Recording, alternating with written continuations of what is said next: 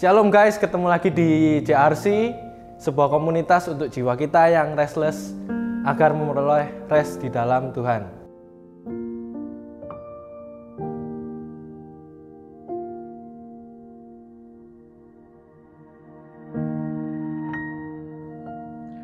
Halo teman-teman, bagaimana kabar kalian hari ini? Saya terus berdoa agar kalian tetap baik-baik saja. Nah, hari ini saya ingin mengajak teman-teman sekalian merenungkan sebuah tema yaitu I want to be your friend.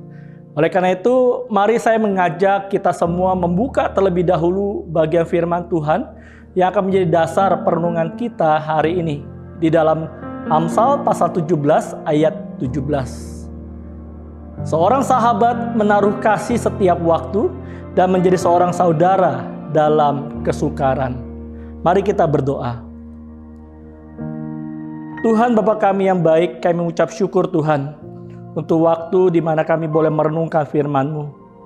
Tolong kami ya Tuhan agar sungguh rohmu boleh membantu kami untuk mengerti apa yang kau sampaikan melalui firman-Mu hari ini. Terima kasih Bapak. Di dalam nama Tuhan Yesus Kristus kami berdoa. Amin. Teman-teman bicara tentang persahabatan, ada yang mengatakan bahwa persahabatan itu adalah salah satu karunia hidup terbesar yang diberikan Tuhan bagi kita. Sebab melalui seorang sahabat itulah kita bisa menemukan seseorang yang mau menerima kita apa adanya.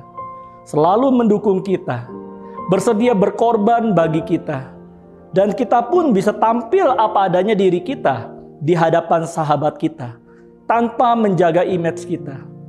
Bahkan di dalam persahabatan kita, kita dapat menumpahkan segala unek-unek kita, sampah di dalam hati dan pikiran kita. Sesuatu yang tidak bisa kita ungkapkan kepada orang lain, bahkan kepada keluarga kita sendiri. Dan masih banyak lagi keindahan dari sebuah persahabatan Nah teman-teman di balik keindahan ada pula kekecewaan. Ada orang yang begitu hancur hatinya karena merasa telah dikhianati oleh sahabatnya. Dan akhirnya memutuskan untuk tidak lagi mau memiliki sahabat. Menutup dirinya sedemikian rupa. Dan tentunya ini bukanlah sikap yang ingin kita tunjukkan sebagai pengikut Kristus. Tuhan ingin kita menjadi sahabat bagi siapa pun Sebab melalui persahabatan itulah orang lain mengenal Tuhan melalui diri kita. Karena itu teman-teman, mari jadilah sahabat yang baik bagi orang lain. Bagaimana caranya? Firman Tuhan memberikan kita dua dasar penting yang harus kita miliki ketika kita memulai persahabatan dengan orang lain. Yaitu yang pertama, jelas dikatakan menaruh kasih setiap waktu. Nah teman-teman, kekristenan seperti kita tahu itu selalu didentikan dengan kasih. Setiap orang yang menyebut dirinya pengikut Kristus, maka dia harus hidup di dalam kasih. Istilah kasih ini mungkin terlihat sepele dan terlalu biasa kita ucapkan di dalam hidup sehari-hari. Tetapi tidak banyak orang yang mampu melakukannya. Mengapa demikian? Sebab kasih tidak hanya bicara tentang saling memperhatikan, dan memperlakukan orang lain dengan baik. Tetapi makna kasih itu jauh lebih dalam daripada itu. Mengasihi berarti memperlakukan orang lain sama seperti Tuhan memperlakukan kita. Memandang orang lain sama seperti Tuhan memandang kita.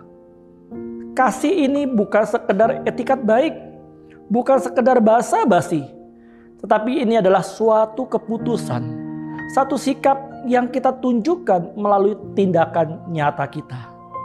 Karena itu di dalam sebuah persahabatan, kasih tidak hanya sekedar memperhatikan dan menghibur. Tetapi kasih juga berarti memberanikan diri, memberikan koreksi. Seorang sahabat yang baik tidak akan menyembunyikan kesalahan sahabatnya.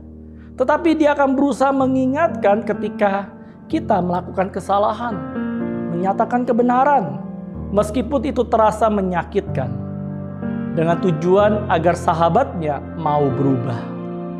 Nah, yang kedua, teman-teman, firman Tuhan katakan menjadi seorang saudara dalam kesukaran. Nah, sahabat sejati itu bukan hanya sebatas teman semata, Tetapi sahabat sejati adalah satu sikap di mana kita memposisikan diri sebagai saudara bagi orang lain. Dunia hari ini berusaha membatasi persahabatan berdasarkan suku, ras, dan agama. Tetapi kekristenan tidaklah demikian. Kekristenan mengajarkan kita untuk merangkul semua orang, apa pun suku mereka, ras maupun agama mereka. Bahkan kita diingatkan untuk menjadi saudara bagi mereka. Nah, pertanyaan adalah, maukah kita menjadi saudara di dalam kesukaran bagi sahabat kita? Hadir ketika mereka membutuhkan bantuan. Hadir ketika mereka sedang di dalam kondisi terpuruk memberikan pertolongan semampu kita. Tidak terbatas hanya pada materi saja, tetapi kita bisa memberikan semangat, memberikan support kepada mereka. Nah, di situlah kehadiran kita begitu penting bagi mereka. Terkadang kita tidak perlu mengucapkan apa-apa, karena kehadiran kita untuk mendengar dan berbagi rasa itu sudah cukup bagi sahabat kita. Dan banyak orang merasa tertolong hanya dengan kehadiran yang penuh kasih dari sahabatnya. Karena itu teman-teman, ayo jadilah sahabat bagi orang lain. Mengasihi mereka dan hadir menjadi saudara di saat mereka mengalami kesukaran. Kiranya Tuhan menolong dan menyertai kita. Mari kita berdoa. Tuhan kami mengucap syukur Firman-Mu telah mengingatkan kami betapa pentingnya nilai sebuah persahabatan. Persahabatan yang tidak bisa dilekang oleh waktu. Persahabatan yang tidak dibatasi oleh apa pun. Dan dalam persahabatan itulah kami menemukan satu saudara yang lebih baik bahkan mungkin daripada keluarga kami. Dan ajar kami ya Tuhan, biar di dalam dunia ini kami boleh menjadi sahabat bagi siapa pun kami boleh hadir di tengah-tengah mereka, memberikan semangat bagi mereka, mensupport mereka. Sehingga kehidupan kami sungguh-sungguh boleh menjadi berkat bagi orang lain. Terima kasih Bapa. Hanya di dalam nama Tuhan Yesus Kristus kami berdoa. Amin.